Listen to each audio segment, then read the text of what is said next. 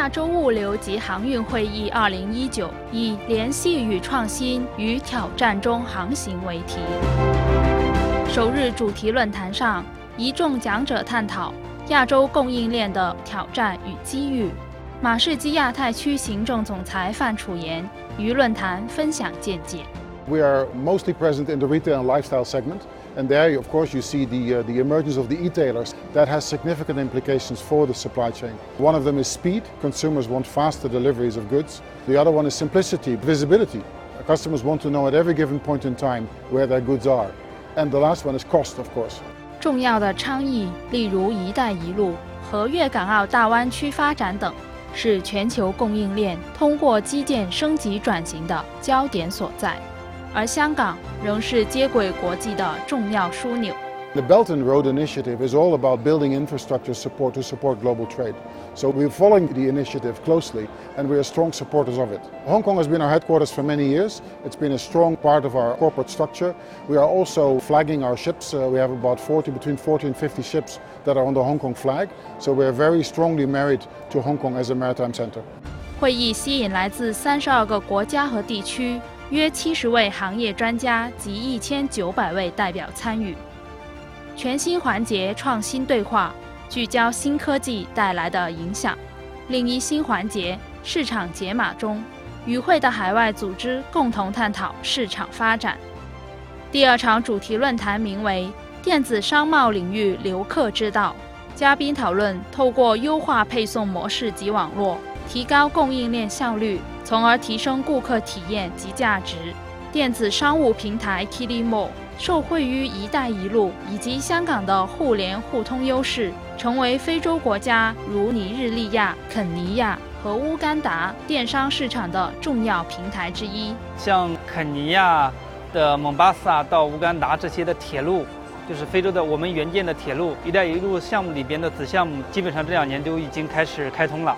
那么这些铁路的开通，对我们后续整个物流的效率。成本都会有一个很大的促进和降低，对我们拓展这块的市场都是一个很大的帮助。香港是一个很重要的航空港，其实上我们有一部分的产品，特别是一些高价值的小的电子类产品，有些时候市场需求比较快的，有一些货已经在走香港的过。会议论坛涵盖了多个议题，包括供应链管理、空运冷链物流的前沿发展，其中航运论坛首次探讨智能航运。东盟国家与会者看好行业前景。More cargo volume, more business is expanding, and more the customer that they have to buy things around the world more and more. And Thailand export more Hong Kong at one way, and at another way is a Hong Kong export cargo to Thailand because of Hong Kong is a major gateway to China. 物流商会代表聚首市场咨询环节，探索电商机遇。以及提供免费一对一的物流及航运咨询服务。We are one of the key player for the economy of Vietnam, which is uh, grow rate annually about nearly 40% annually, which is in the five years. Enabler for e-commerce, which have many player. For example, a logistic player and the payment technology player, and also e-commerce merchandise. 展览区涵盖电子商贸、技术应用、供应链管理及物流、海运及港口服务。大会提供商贸配对环节，促进专业服务与解决方案交流。二零一九亚洲物流及航运会议推动业界联系与创新与挑战中航行。We're looking for the chance for meeting the logistic player from China, Hong Kong. to Vietnam, to other part of the world. We want to hear the big guy, big fish doing the business, in how they do the business, how can develop the business, how can they foresee the business.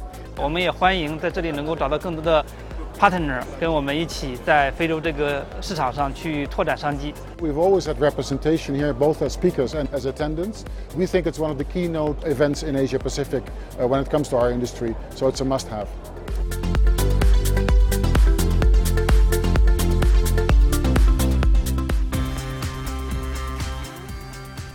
二零二零年踏入第十届的会议将名为亚洲物流航运及空运会议 （ALMEC），密切留意。